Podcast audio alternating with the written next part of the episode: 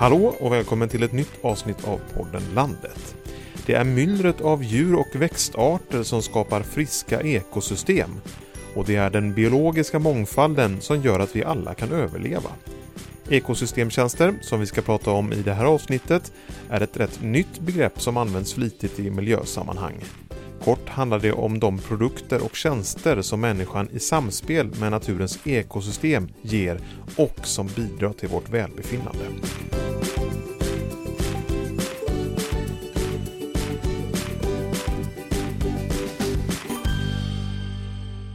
Ja, idag är vi i Uddetorp på Miljötemadagen eh, med gäster som alla är involverade i projektet Naturbruksskolor i framkant. Nyckeltal och åtgärder för fortsatt hållbarhetsarbete. Välkomna hit till eh, podden Landet och jag tänkte börja på min vänstra sida. Du får presentera dig och berätta vad du jobbar med. Eh, jag heter Britt-Marie Benjaminsson och jag är växtodlingslärare och deltar i det här projektet med eh, och i naturbruksskola i framkant. Jag heter Olle Kvarnbäck och är biolog och agronom eh, och har eget företag. Jobbar mycket med naturinventeringar och skötselplaner för olika mark och naturområden.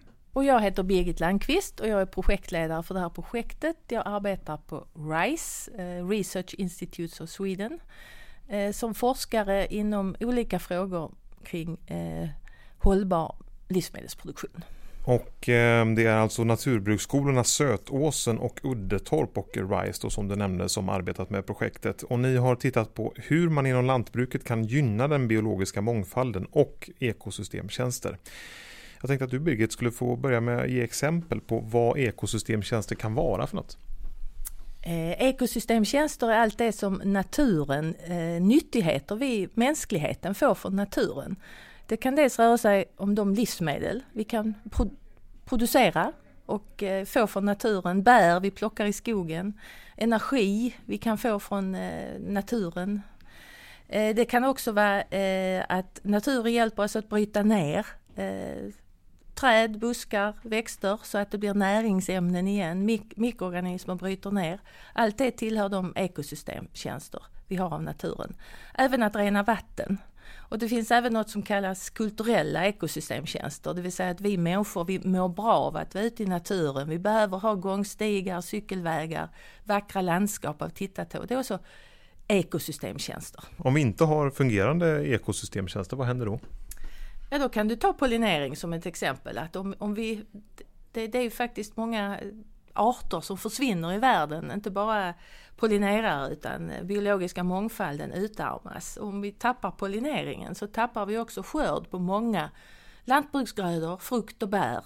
Eh, det blir inga, vi får pollinera för hand och det tror jag inte vi klarar av. Och då blir det till slutändan mindre mat på tallriken som är lokalproducerat kanske? Det blir mindre mat på tallriken som eh, ja, lokalproducerat eller producerat ute i världen. För detta är ju faktiskt ett problem i hela världen. Det är inte bara vi som behöver titta på det. Vi vill ligga i framkant.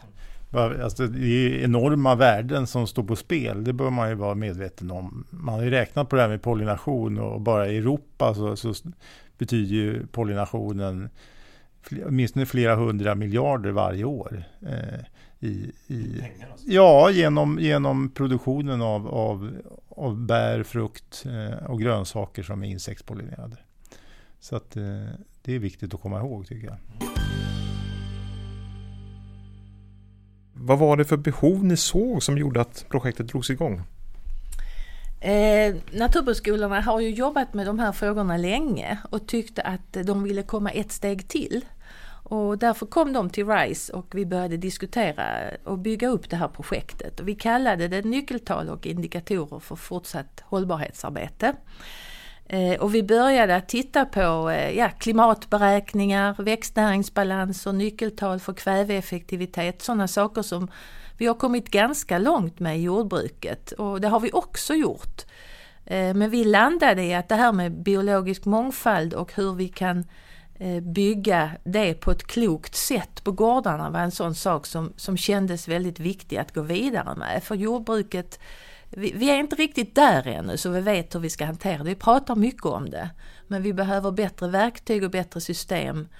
Eh, och kanske indikatorer också för att, för att följa upp det här. Och Olle, din eh, uppgift i projektet, vad, vad, vad är det för uppgift? Ja, det har ju varit eh, framförallt att inventera den biologiska mångfalden då, Eh, på, på skolornas marker. Och då har vi valt att inventera i första hand fåglar, fjärilar och humlor. Som jag inventerade då under förra året och kommer fortsätta med i år. För det är tre ja, organismgrupper som är relativt välkända och som, som eh, är, är, är relativt enkelt att, att följa upp. I projektet hade ni en ekologisk gård på slätten och en konventionell gård i ett lite mer varierat landskap. Eh, Såg ni några skillnader här? Skillnaderna beror väl på att det är olika grundförutsättningar ifrån början och, det är väl det som är viktigt att man har fått fram här via inventeringarna, att man kan se var, var är det på eh, det här jordbruket som vi har de eh, gynnsamma områdena som vi kan förstärka och där vi inte har dem, vad kan vi göra för, för att göra det bättre? Och att vi får fram en modell för det och se vad kan vi göra för att vi faktiskt ska få en högre biologisk mångfald där det är lite då?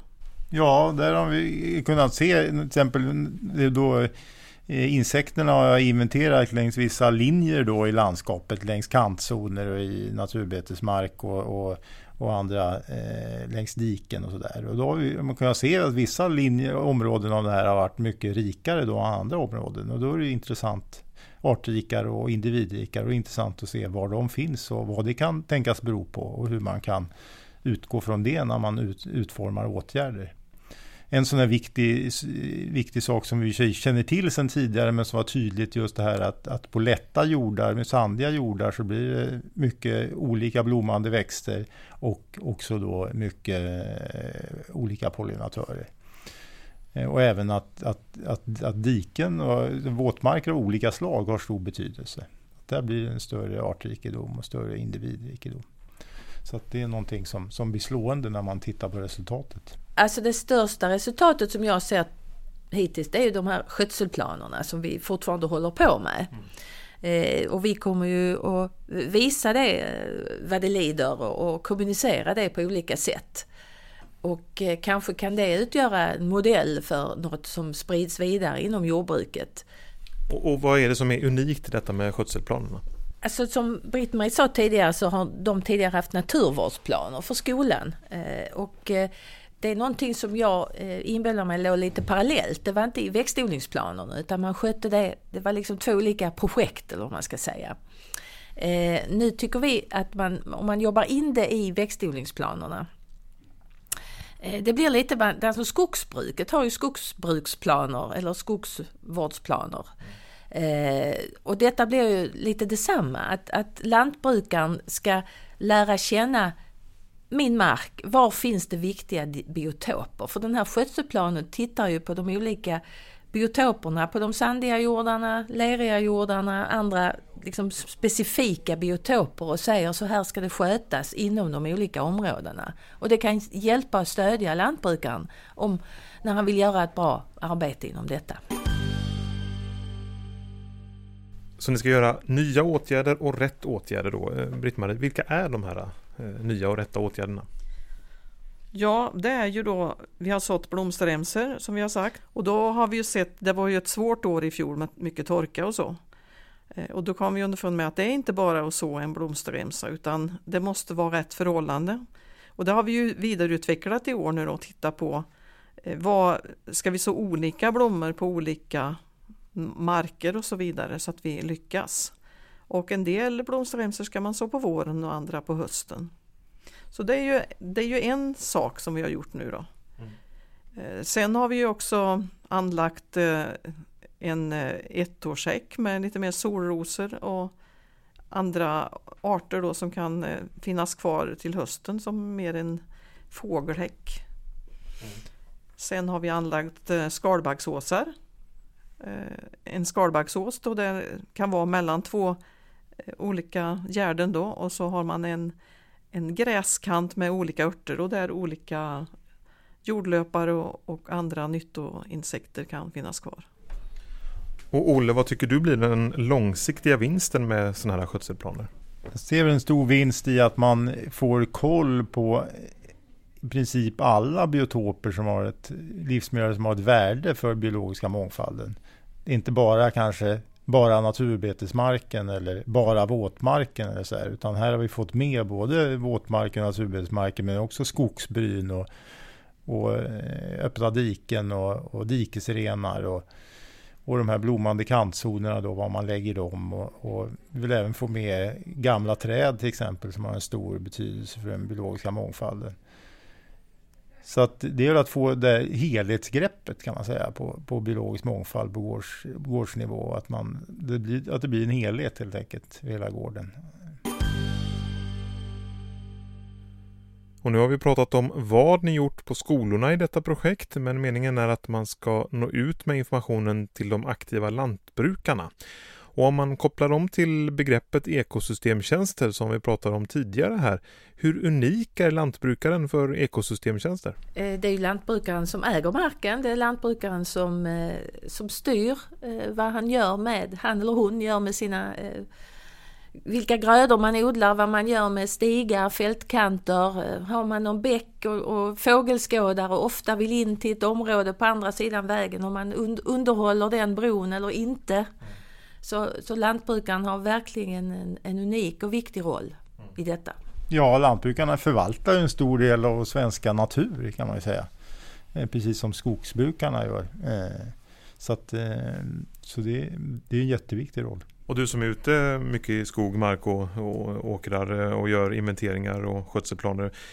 Vad är de vanligaste misstagen man gör enligt din erfarenhet? Kanske är en sak som jag ofta lägger märke till, det är att man, jag tycker att man sparar för lite kantzon kring, kring åkrar till exempel. Att, man, att det finns en tradition väldigt mycket att man ska plöja ända ut till kanten och sådär. Och, och visst, har man problemogräs och så som sprider sig så kanske det är viktigt, men det har en väldigt stor betydelse för den biologiska mångfalden. Inte minst av de här grupperna som vi pratar om nu, pollinatörer till exempel, att det finns en, en permanent kantzon där de kan bygga bo och, och hitta, hitta födo, föda genom blommande växter. Så att man ska inte underskatta den betydelsen av en, en, en meterbred kantzon kring, kring fältet till exempel. Vad har lantbrukarna själva för nytta av det som ni lär er i det här projektet? Eh, det ställs stora krav på att vara lantbrukare idag. Vi, som lantbrukare har man ögonen på sig från, från eh, ja, media och samhället och myndigheter. EU. Och EU, ja. Och eh, vi måste, lantbruket måste ta ansvar för de här frågorna. Eh, för ett, ett, ett väldigt rationellt modernt lantbruk eh, riskerar att utarma miljöerna, utarma marken, utarma eh, omkringmiljön så att vi, vi tappar de här viktiga biologiska resurserna eh, som vi behöver. Men jag tänker också så här att åh, nu kommer det ännu mera eh, nya idéer och regler att följa här för om man, om man är lantbrukare. Vad, vad säger du till dem som eventuellt har den känslan? Vi, vi arbetar inte med de reglerna, skulle jag vilja säga. Reglerna kommer ju faktiskt från eh, ja, Jordbruksverket eller från eh, uppköpande företag då, eh, som ställer krav. Och det gäller att ha en dialog hela tiden. Lantbrukarna ska ju vara med i det här. Lantbrukarna ska, ska kunna ha synpunkter och lära sig saker. Och kunna, man ska kunna bedöma vad som är rimligt att göra eh, utifrån de förutsättningar man, man har. Och eh, de eh, stödersättningar som finns och så ska ju gå hand i hand med detta.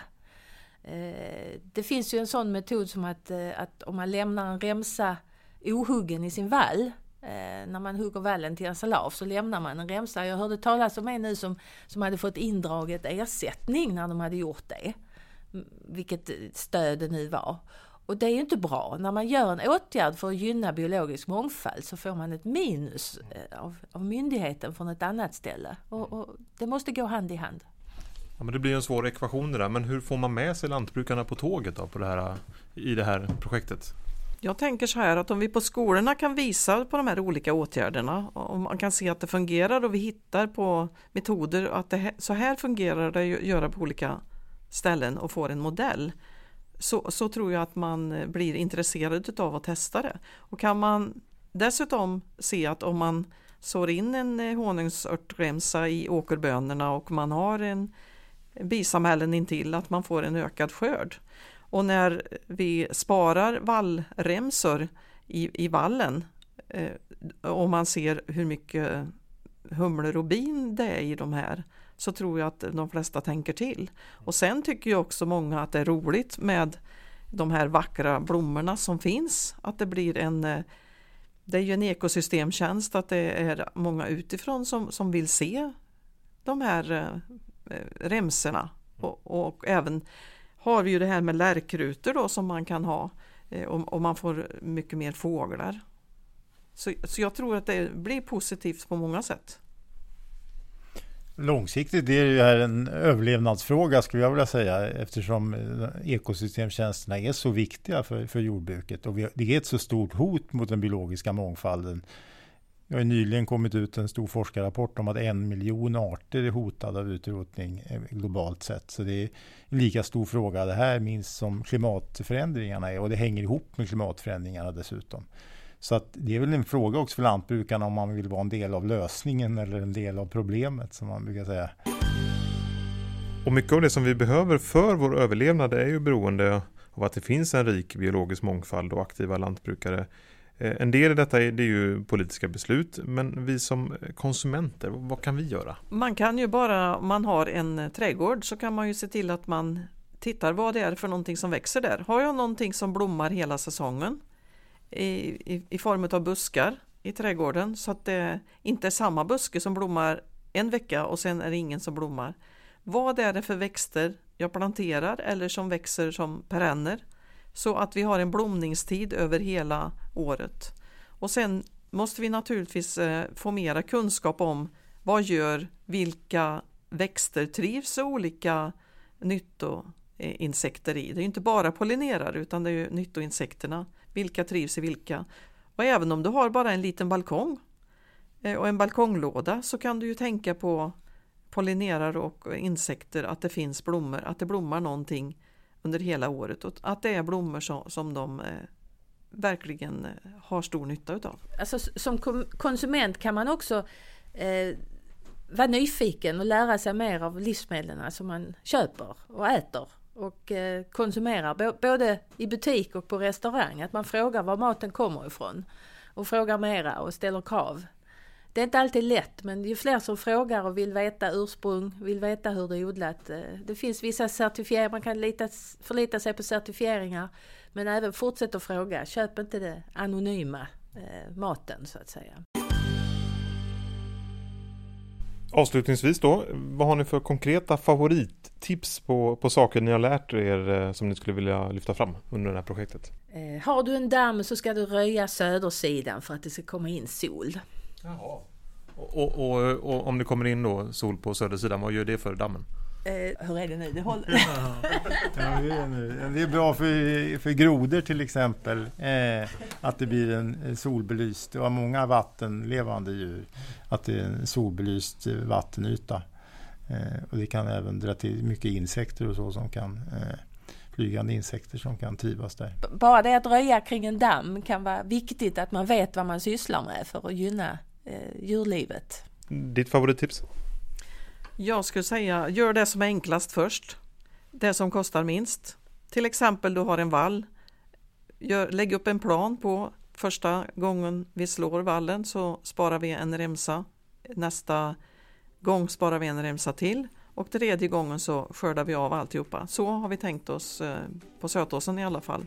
Ja, jag skulle säga ta reda på vad du har för som värdekärnor för biologisk mångfald. Sådana områden med hög biologisk mångfald på din gård och, och börja där. Eh, gör åtgärder där och sen kan därifrån sprida sig ut till övriga delar av gården. Tack för att du har lyssnat på podden Landet. Och något som slog mig efter att ha lyssnat på det här samtalet Ja, det är nog att jag måste börja tänka på den biologiska mångfalden hemma i min egna trädgård. Kanske ska jag låta gräset växa på någon liten plätt. Eh, då kan jag spara in lite på, på gräsklippartid och det är ju skönt faktiskt. Och fler avsnitt med spännande ämnen och initierade samtalspartners det hittar du på landsbygdsnätverket.se. Peter Gropman heter jag. På återhörande.